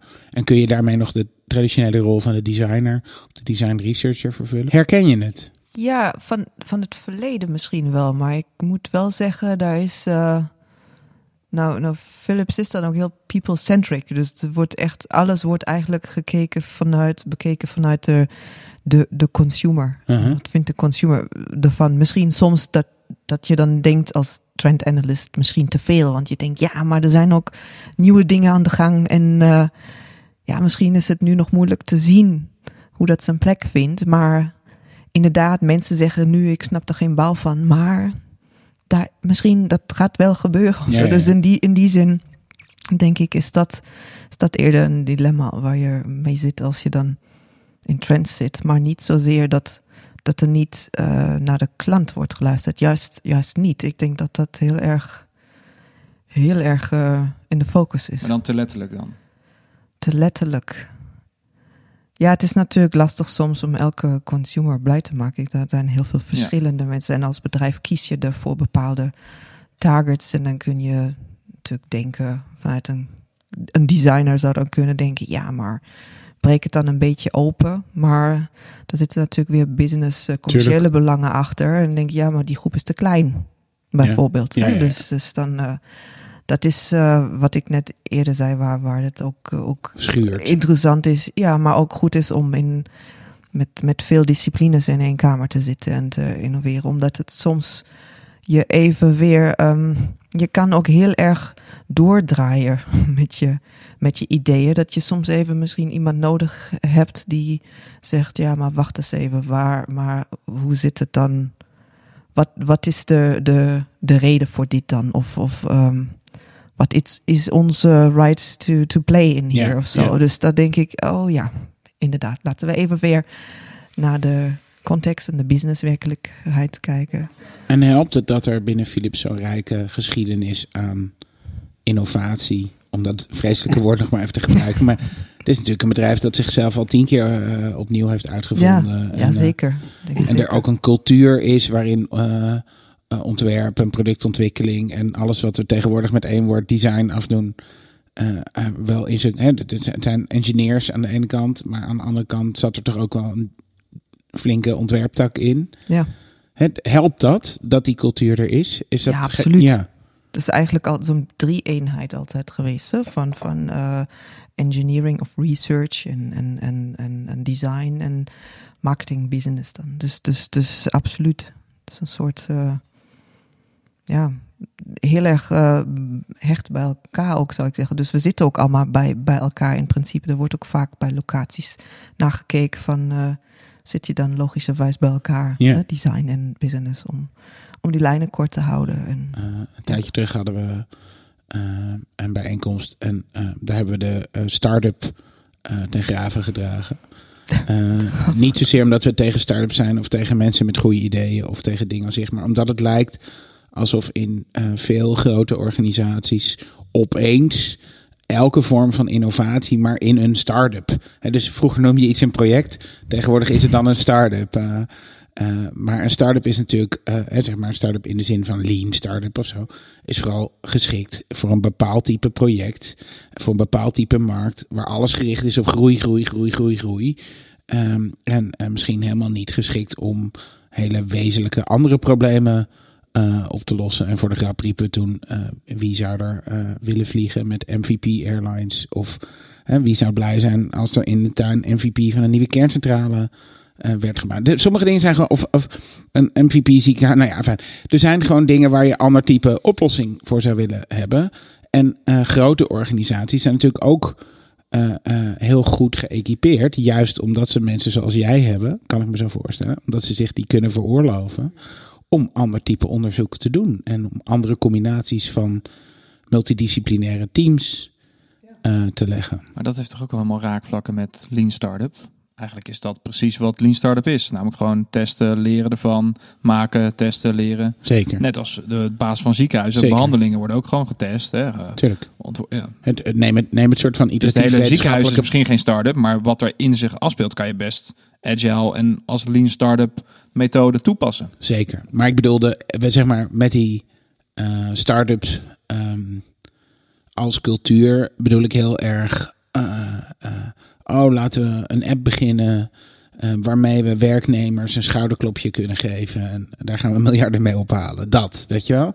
Dat je denkt, eh, kunnen we niet gewoon eh, tegen iemand zeggen: hey, goed gedaan, joh. Bedankt. Zie je, daarom zijn er nog banen. Omdat dit soort ideeën nog Ja. rondvliegen in dat soort bedrijven. Dus, Als iedereen met zijn voet op de aarde weer staat, dan heb je dat soort banen niet meer.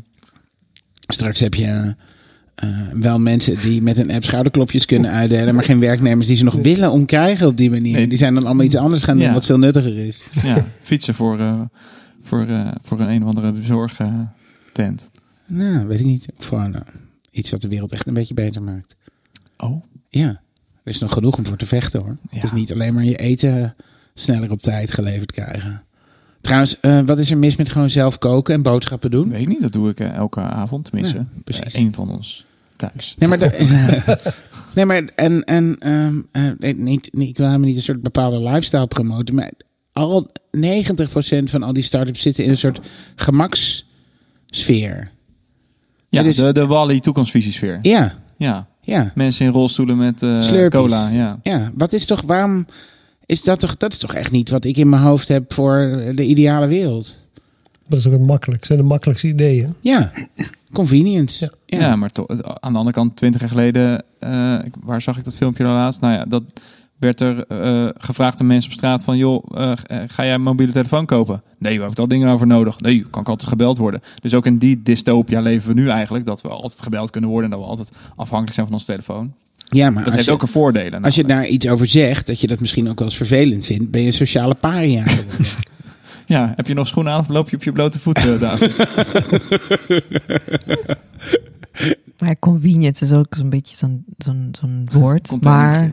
Ja, ja, zeker. maar het is wel iets wat, ja, eigenlijk kun je al niet zonder als je met iets op de markt komt, hè, dan, dan is dat toch altijd. Je moet in de richting van gemak zich ook bewegen. Ja. Dus innovatie. Het Want je gaat niet ineens eh, denken van, oh wat een gaaf idee. Want ik sta hier even drie, drie uur langer in de keuken. Ik vind het wel, maar het smaakt zo goed, joh.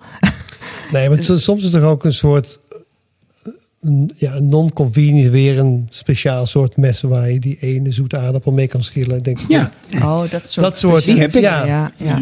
die heb je, Nee. ja, dat weet ik. De hummusmaalmachine. Ja. ja. Maar je, Ja.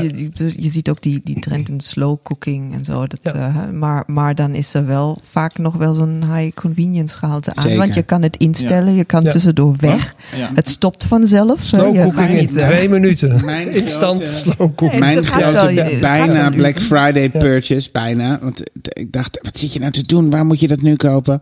Was de eh sous vide. Ja, Wat is dat? Ja, dat Ja. is hem hè? Wat is Ja. dat? Ja. precies. Een cooker? Sous vide weet je niet? Nee, geen idee. Oké, dus dat is eh, eh, vaak voor vlees, maar het kan met heel veel andere eh, Wij gerechten. eten thuis geen vlees. Dat weet ik, maar het kan, Kan ook, ook met met heel veel andere ingrediënten. Kan ook andere dingen. Oh, Echt, absoluut. Ook tofu. Tofu. Ehm, maar met vlees is een goed voorbeeld, want die biefstuk eh, eh, eh, kennen alle vleeseters. Die kan of te rauw of eh, te gaar zijn, maar precies daartussenin is ze super moeilijk. En dat is heel erg afhankelijk van de temperatuur. En dat hebben koks in eh, professionele keukens al heel lang opgelost. Want die hebben baden waarin eh, de Oh. biefstuk al op eh, de perfecte kerntemperatuur voor ligt En te dan bak je nog heel even. En dan bak je hem Gewoon heel 30 even. seconden. Precies. Ja, ah, oké. Ja, en dat kan je dan thuis ook doen. En dat heet sous vide, omdat je het luchtdicht afgesloten in zo'n bad doet. Het is Daar- in water dus. Ja. Lang eh, verwarmd. Echt lang. Eh, maar precies op Oh, wat is die... lang? Twee uur, Ja, vijf uur? eh, Kan langer. 48 uur. Ja, Ja. 48 Ja. uur zelfs. Ah, Oké. Ja, ja. Oké. En dus je, als je kijkt, eh, veel van dat eh, trendvlees wat in restaurants op de kaart staat, longhaas ja, bijvoorbeeld, ja, ja. dat is een, in principe een moeilijk stuk vlees. Ja. Maar omdat je het op die manier doet, eh, wordt het super lekker, eh, veel smaak en super mals. En kan het eigenlijk niet mis. Dus, eh, en, en sous vide brengt, en dit lijkt bijna wel een commercial, eh, brengt die techniek eh, ook voor de thuiskok eh, eh, eh, onder handbereik. Sous Maar dan op een hele handige manier, want je hoeft er niet 48 uur bij te staan. Ja, hè? Dus nee. dat is dan weer het voordeel Dus ik wat ik bedoel met convenience. Je kan er tussendoor gaan fietsen of naar werk en dan sl- sluit hij zelf af. Hè? Dus hij gaat niet Je kan door. ook babyvoeding opwarmen. Dat is trouwens iets wat, wat je inderdaad als trend had kunnen zien aankomen. Want dat komt uit die eh, moleculaire eh, eh, keuken, die eerste El Bulli-achtige. Hè, dus daar had je hem, denk ik, eh, al Ja. 15 jaar Ja. geleden kunnen spotten. Kan je Hebben we een, toen ook inderdaad naar gekeken? Ja, Ja. ja, wat leuk. Oh, ja, Kun je er oh, ook een 63 graden eitje maken? Ja? Dat is ook Ja, heel dat- ja, ja. tegenwoordig. Dat is dat. Oh, Dat is dat. lekker. Ja, Maar goed. je kan het ook gebruiken volgens mij om vlees wat nu niet verkoopbaar is. Hart bijvoorbeeld ook goed gaar te krijgen. Dat is voor mij hart het meest moeilijke vlees Oh, zo. Gewoon om te bakken. Zou kunnen. moeilijke Ja, stukken vlees ja, voor de ja. eetbaar. Experimentje waard. Dus het is ook duurzaam. Goed voor de wereld. Precies. Kop tot staart. Het grappige is dat jij het al het 63 graden uitje Ja, noemt. ja of 63, 63 toch? Maar eh, Ja, weet ik niet. Maar het hele principe is dus dat 73. hoe lang je hem ook in die 63 graden Het laat blijft liggen. 63 graden, dus hij gaat ook niet verder. Yes. Ah, ja. Leuk hè? Nice. Nou ja, en het mooie is, dan kan je dat dan nu bestellen. En dan krijg je een apparaat. En dat koppelt dan weer met je wifi en je smartphone. En dan kan je van over de hele wereld zien hoe jouw eitjes 122 63 euro graden liggen terwijl. Tot 277. Dus dit hadden, hadden jullie als, als eh, ja. Maar- Ja, we zaten toen inderdaad ook al te kijken naar molecular kitchen, eh, cooking en dat soort dingen. En dan ben je er ook aan het eh voortborduren en aan het kijken, ja. ja. En dan is het weer over. Dat is ook het dat is lastige. ook zo spannend. Hoe lang duurt dat dan? Ja, Ja, want als dat je zegt alles gaat snel, die Ja. trends gaan snel. Dus Ja. jullie moeten ook als Philips heel snel handelen. Voor je het weet is die trends alweer voorbij. ja, dan kan die naast mijn smoothiemaker in de kast eh, op zolder. De broodbakmachine. ja, de broodmaker, ja. de Maar- ijsmaker. Even eh, zonder het over... Het is natuurlijk... Sommige fabrikanten hebben er ook belang bij om gewoon dat soort producten dan een Ja, tijdje maar, te ja maar niet als je te laat natuurlijk de markt in komt. Ja. Ja, dat moment bepalen van wanneer is de tijd er. Ja, en het moment en voor de juiste prijs natuurlijk ook. Ja. Hè, Dat, het, dat het toegankelijk is voor, voor een grotere groep mensen. Maar daar heb je die marketeers voor, toch? Ja, maar ja, soms is het gewoon ook niet mogelijk om het voor een prijs, voor een, voor een Te doen. ja. Ja. Het kan dan gewoon niet. En is dat dan het... eh, Heb je het idee dat daar soms eh, start-ups dat dan wel kunnen? Omdat ze één product maken en al Ja. hun energie in één... Ja, ja. Denk ik wel. Ja, ja, ja. Ja, dat is grappig. Dus je, dus dat is toch Ja. een Ja. onderscheid. Ja. Mm. Sneller manoeuvreren. Want al die andere... Oh, Daar is ook minder, misschien minder vier en falen of zo. Ja. Weet ik Nou ja, niet. aan de andere kant, als je daar dat faalt, het, ben je eh, failliet. Als Philips faalt met één product, dan... Word je misschien ontslagen. Nou, als het goed is, hou- houden ze die mensen. Want die hebben waarschijnlijk geleerd Goede van hun fout fouten. gemaakt, Ja. maken ze niet nog een keer. Ja. Nee, maar als je een paar keer van die... Dan durven ze misschien ook nooit meer risico te nemen. Oh, Even over, of toch over bloepers hebben. Ja? Zijn er ook trends die waar je dan waarvan je dacht van nou dat, dat heb ik voorspeld, maar dat zat ik eigenlijk helemaal naast. Dat ontwikkelt zich Oh ja. heel anders dan ik gedacht had. Bijvoorbeeld door, nou laten we even zeggen, we hadden het hiervoor over, eh, over Trump. Wat zou de invloed zijn van Trump op trends? Stel dat er iets gebeurt en nou, daar zijn we daar stapten we in en heel snel bleek dat het totaal andere kant op Die ging. zijn er vast wel. Ze vast wel. Ik kan zijn, zo snel niks, niks bedenken. maar, maar zijn er externe natuurlijk- factoren die... kunnen we even stoppen met opnemen om je even de tijd te geven. We zijn echt wel nieuwsgierig hoor. Daar- Ja, moet ik heel hard denken even. Nou, je zit natuurlijk wel, er zijn, er zijn altijd wel die, die trends geweest van die heel erg ingaan op de, wat, eh, eh, eh, de, de, wat meer de, de pleasures en, en de play en exploration en dat soort dingen. Maar die zijn wel erg, dan, dan zijn die misschien wat meer niche of zo. Ik wil niet zeggen dat het er niet is gebeurd, maar niet op grote schaal zoals je misschien denkt. Maar nee, ik kan even zo niks bedenken. Dan moet ik dan weer de dan, dan gaat dit weer te snel. Dan moet Ja. ik toch even over nadenken. En ik stuur het wel in een mailtje. De, de gamification-achtige dingen, bedoel je die? Nee, maar dat, dat zie je toch wel heel erg duidelijk. Die gamification. Dat zit er totaal. Ja, en nu met die, al die, die, die VR-glasses en zo. Dus ik denk dat is alleen maar nog. Het komt er nog eh, virtual reality. Het- Maar wat bedoel je dat- dan met de pleasure en de play? ja, meer van. eh, ehm, in, eten dan, als we het over eten hebben. Ah. Dat experimenteren met eten ja. of zo. Dat, dat zie je wel altijd. Of ook eh, tracking the senses. Iets Ja, doen met. met Ja, ja, ja. Hè, de, de, de andere kleuren, andere percepties of zo. Maar dat blijft toch Andere een beetje. Ja, dan heb je Bompas en Paar, die doen daar. Dat is zo'n team in Engeland, die doen daar veel mee. Maar het is toch, het blijft een beetje op het. op het, op het arty, Avant-gardistische, ja, ja. Experimenteel. Het is misschien ook leuk om een keer mee te maken, maar ik zie het niet echt zo Nee. gebeuren op grote Deconstructie voor de masses. Ik Ja. zie het niet morgen gebeuren. Nee, Nee. nee. Tenminste, ik weet niet als ik het mijn kinderen voorzet in de avond. Niet, van, nou, dit is. eh, nee. Een heerlijke is gelei van... eh, Ja. Nee. Maar dat is dan ook meer, ja, je, dat is, dan zie je dat, maar dat is misschien dan ook geen trend waarvoor je dan kiest hè, in zo'n eh, setting. Ja. Ik, heb nog een designvraag voor jullie. Echt waar? Ja, het, het gerucht gaat al jaren. We gaan het over heel iets anders even hebben. Ehm, dat dat eh, Apple af wil van de home-knop op de iPhone en de iPad. Maar hoe zien jullie dat een- voor Dat is je? ongeveer de enige knop die erop zit. Ja, hoe zien jullie dat voor je? Je zit midden in een app. En ze beweren dan dat het in het scherm ergens zit. Maar hoe ga je dan terug naar je homescreen? Oké, op een of andere manier, eh, eh, en misschien ligt het aan mij, interesseert het me niet meer zo heel erg. Nee, maar dat bedoel ik niet. eh, maar we hebben het ons toch eh, andere eh, dingen eh, om ons druk over te maken. Ja, Op maar je moet je altijd om hele grote dingen druk en ook om hele kleine dingen druk Oké. maken. En dit is een groot ding, toch? Een heel klein ding. Thinking fast and slow, maar dan anders. Ik weet niet, is dat iets wat uit dat, wat uit het boek komt? Nee, het is meer gewoon een boektitel waarvan ik Ja, dacht... Die precies. Kan ik Ja. mijn name droppen in de context. Ja. Maar de- nee, maar... ehm, ja, natuurlijk moet je over en grote en kleine dingen druk maken. Ik, ik vind het nog wel fijn om knoppen erin te hebben, maar ik ben dan ook Generation X. Misschien dat Oh, ja. mijn kinderen daar totaal anders over denken. Als we Ik ben iets ouder. Ik zou het liefst die draaiknop terug willen. Ja, nou bellen. precies. Nou, Om oké. bellen. Ehm, Oké, dit gaat te ver. Een ander dingetje. Ik kocht een, eh, een wekker voor mijn jongste dochter. Want die wilde graag een wekker. Vind ik heel leuk van een kind dat ze zelf een wekker Heeft ze geen telefoon? Nee, Oké, Ah. nee, maar ze heeft wel geen een wekker nu. Ja. En, ehm, en dan koop je een wekker bij eh, eh, de HEMA. En ehm, weet je hoe moeilijk het is om zo'n ding in te stellen? En dan, eh, en dan Ja. denk ik, dat hebben we toch allemaal al dertig keer opnieuw gedaan? Ik bedoel, ik kan me herinneren dat eh, Sony of zo, of Philips, ik weet het niet meer... eh, had een keer een prachtige wekker waarin ze dat hele probleem van welk knopje moet je indrukken en hoe verzet je hem. En hoe, was allemaal opgelost. Het was met een wieltje en een ding. Ik denk, nou, nu hebben we het uitgevonden hoor. Nu weten we hoe je wekker. En nee hoor, Misschien er patent. zit weer een eh, Nee. 30, 30 30 dollar cent chipje in uit, eh, uit Ja. eh, Taiwan. En, Shenzhen.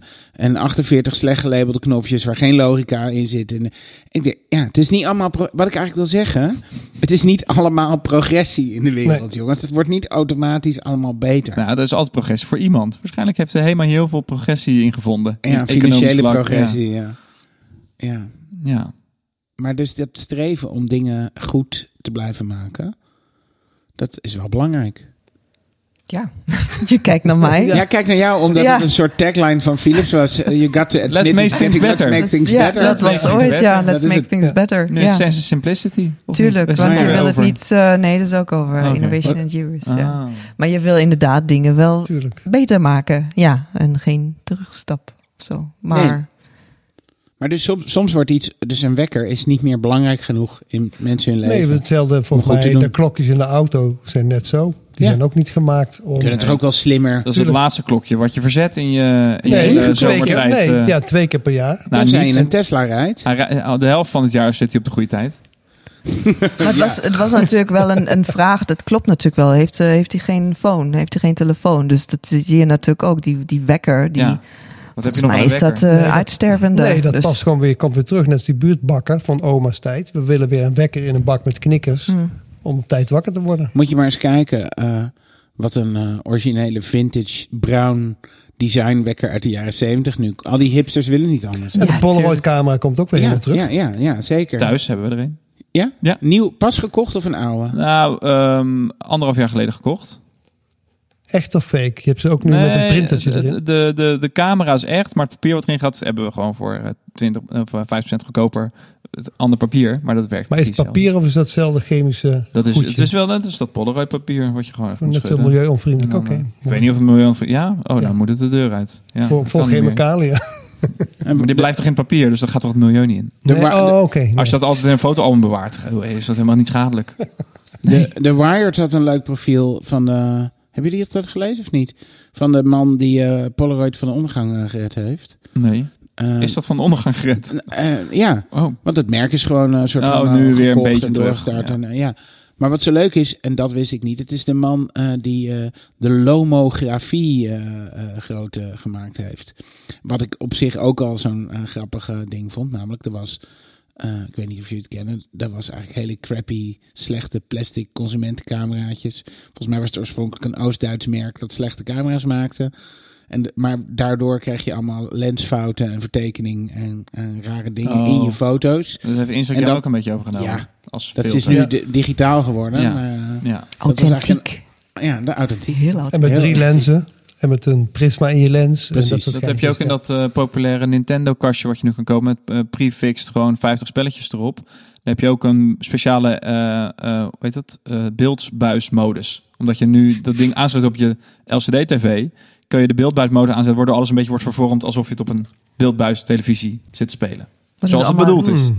Dat is allemaal nostalgie. Ja. Dat is Ja. de bakkerswinkel. Maar zo zijn ze wel ontworpen. Ja, zo zijn ze wel ontworpen, die spelletjes, in dat beeldformaat. En Maar kun jij dan duiden waarom mensen nu weer nostalgischer zijn dan een tijdje Is dat geleden? zo dan? Dat idee dat heb ik. Maar misschien heeft dat meer met mijn leeftijd te maken. Ja, ik denk dat het is al een tijdje gaande. Maar waarschijnlijk heb je, heeft iedereen zo'n beetje... Elke leeftijdsgroep wel zo dingen waar die naar terugkijkt. En dan is dat gewoon nu de Polaroids en de Ja, die dongles. en eh, ja, Geef mij maar toe. Maar zeg ik ook de denk dat is iets, misschien zit dat wel in ons of zo. Dat het altijd wel komt. Dan moet je gewoon even kijken wat is, was voor die groep de dingen waar zij mee zijn opgegroeid. En dan geef je daar misschien een Ja. nieuwe wending aan. Een beetje. Dus het is niet iets speciaal van nu, zeg je? Nee, nee, ik denk het niet. Het is gewoon altijd en het is een soort schuivend paneel door de Maar, tijd. maar daar kan je dus mooi op eh, voorspellen dan. Als dat een schuifpaneel is, dan weet je of het paneel over tien jaar staat. Hm. Toch? Ja, Of is dan het verlangen we naar ingewikkeld- is het Trump. ingewikkelder? Over twintig jaar verlangen we naar Trump. Ja, Ja, 30. die goede oude tijd. Oh, weet je nog Ja. was mooi, hè? Ja, Post-truth. toen hadden we Wilders. Oh, dat was toch zo'n zachtaardige weer man. midden in de waarheid. Toen was, waren we daaraan voorbij. Oh, oh. Ja. Ja. Nou, moeten we het daar weer laten voor vandaag? Nou, misschien wel. Ja? Ja? Of, of eh, wil je nog één blik in je kristallenbol werpen en iets een, als uitsmijter Als voor deze aflevering? Hmm. Nee. De Ja. toekomst van podcast. Is dat een trend? podcast. Heb je een Oh, me- trend in ja. media Ja. of een ding? Of een... Twenty Media podcast vind ik wel, ja, wat ik wel, wat ik wel leuk vind, zo'n beetje het, het inhoudelijke daarvan. Hè? Dat je er echt een beetje de diepte in gaat om daar weer op terug te komen. Niet snel, snel, snel, maar tijd nemen voor iets. Dus eh, ja, vind ik wel een goeie. Hebben we genoeg tijd genomen met jou vandaag? Ja, ik denk het wel. Ja? Of ten, ja. Heb je iets niet kunnen vertellen wat je graag had willen vertellen? Nee, ik vond het wel heel. Ja. Kom ook straks als ik naar huis fiets, komen er allemaal dingen. Oh, dat wilde ik zeggen. Als je nou een e-mail stuurt, dan, kunnen we, dan stoppen we de uitkomst daarvan in de show notes. Dat is de tekst die bij de podcast gaat. En dan kunnen we daar toch nog een soort van... eh, Een kunnen ingezonden die, brief. kunnen die Ja. toch nog meegeven aan mensen. Dus het geeft niet. Je hebt echt nog een venster van een paar dagen. Heel Als je fijn. een slow thinking proces op gang komt, kunnen we dat nog toevoegen. Ja, niet in fijn. audio, maar Heel- in de tekst. Ja, Dus, rustgevend. Oké. Nou, eh dankjewel. Esther Dankjewel. Peters. Leuk dat je er was. Ehm, eh, dit was Glitch. Ehm, eh, Glitch eh, wordt gemaakt door Renier Ladam. door Joost Holthuis en door mezelf, David Linsen. De techniek is deze keer in handen van Matthijs Hagen. Ehm, eh, je kunt ons vinden op glitch.show. Eh, maar wat ook heel leuk is, is om een keer eh, te luisteren naar... Oh nee, dat luister je niet. Eh, te, de, je te abonneren op de nieuwsbrief van Renier. Dankjewel, David. En waar vinden mensen die nieuwsbrief? 82%.nl. Precies. Ehm, over ongeveer twee weken zijn we er weer. Eh, coverwork, eh, artwork was van Linda Tetero. En de muziek is van Big Orange Music. Tot de volgende keer. Glitch. Dag. Doei. Glitch.